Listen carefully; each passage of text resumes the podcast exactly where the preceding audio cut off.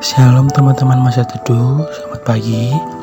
Puji Tuhan, kita masih bisa bersama-sama diberi kesempatan untuk membaca sebagian dari kebenaran firman Tuhan dalam satu teduh pada pagi hari ini. Sebelum kita masuk ke dalam renungan, mari kita bersama-sama membuka Alkitab kita yang terambil dari Efesus 6 ayat 10.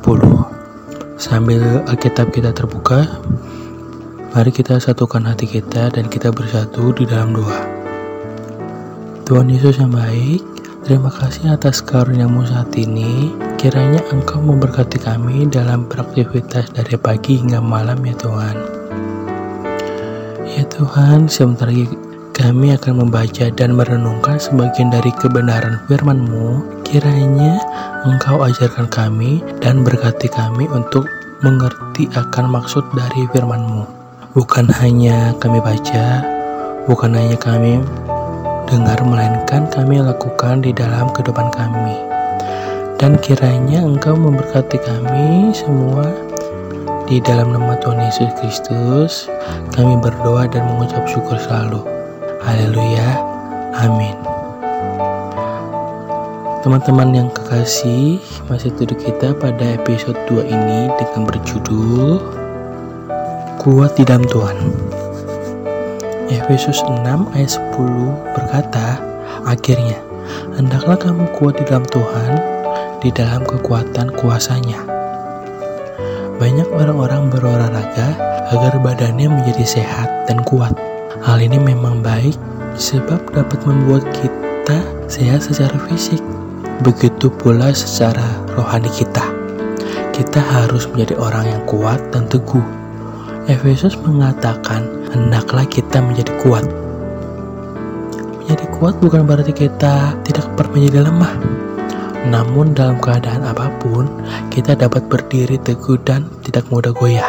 Kekuatan hidup kita hanyalah di dalam Yesus, sebab dia adalah sumber hidup kita. Mungkin kalau kita tanpa Yesus, ia tidak ada sumber kekuatan.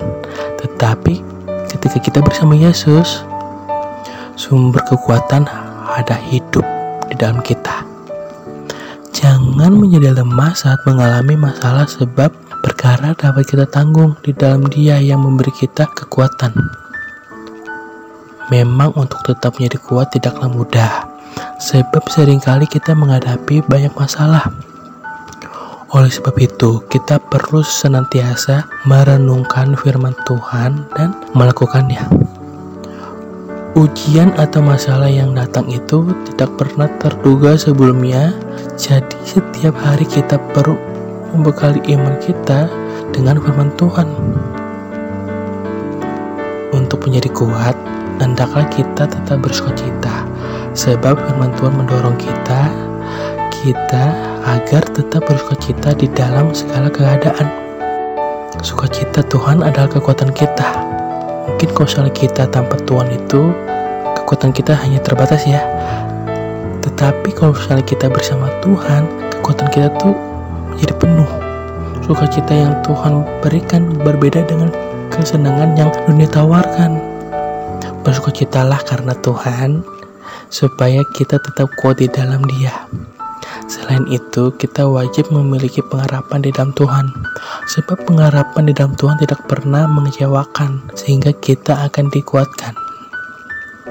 Teman-teman, eh, pernah nggak sering kali mengalami sakit hati atau kecewa? Itulah kalian rasakan. Tetapi kalau kita, kalau kita bersama Tuhan Yesus, tidak akan pernah dikasih kecewa bahkan kita diberi kekuatan yang baru serta hati kita yang baru. Saat merasa bimbang, marilah kita menaruh pengharapan kepada Tuhan agar iman kita dapat dikuatkan kembali. Yang berikutnya, warnailah hidup kita dengan doa, pujian, dan penyembahan kepada Tuhan, supaya kita tetap kuat. Saat Tuhan Yesus akan disalib, ia berdoa kepada Bapa supaya diberikan kekuatan menghadapi semuanya. Begitu begitu pula saat kita mengalami situasi yang buruk. Marilah kita berdoa agar kita menjadi kuat. Saat kita memuji Tuhan, Ia akan memberikan kekuatan bagi iman kita. kita akan mengalami kuasa Tuhan. Tidak ada lagi namanya sakit hati, tidak ada lagi yang namanya kecewa, tidak ada lagi yang namanya kalian broken home sama kesedihan dan hampa. Karena Tuhan sudah kasih kita kekuatan yang baru, hati yang baru. Tinggallah senantiasa di dalam Tuhan supaya kita tetap teguh. Jadilah pribadi yang kuat dan teguh di dalam Tuhan. Jangan bimbang, percayalah Tuhan akan menyediakan tempat untuk kita. Kemenangan senantiasa. Untuk siapa? Untuk kita. Amin. Demikian saat teduh kita pada pagi hari ini kiranya bisa menjadi kekuatan buat kita semuanya. Mari kita bersatu di dalam doa penutup. Mari kita tutup Alkitab kita dan kita berdoa. Tuhan, terima kasih pernyataanmu kepada kami sehingga kami sudah menyelesaikan pembacaan ayat Alkitab kami. Semoga apa yang kami baca, semoga apa yang kami dengar dari suaramu Tuhan bisa menjadi sumber kekuatan dan sumber berkat Terima kasih Tuhan sudah memberikan nafas ke depan kami, kekuatan yang baru, serta pemikiran dan hati yang baru. Inilah doa kami ya Tuhan, sertailah kami dan juga keluarga kami. Dalam nama Tuhan Yesus Kristus, dalam juru selamat kami, haleluya, amin.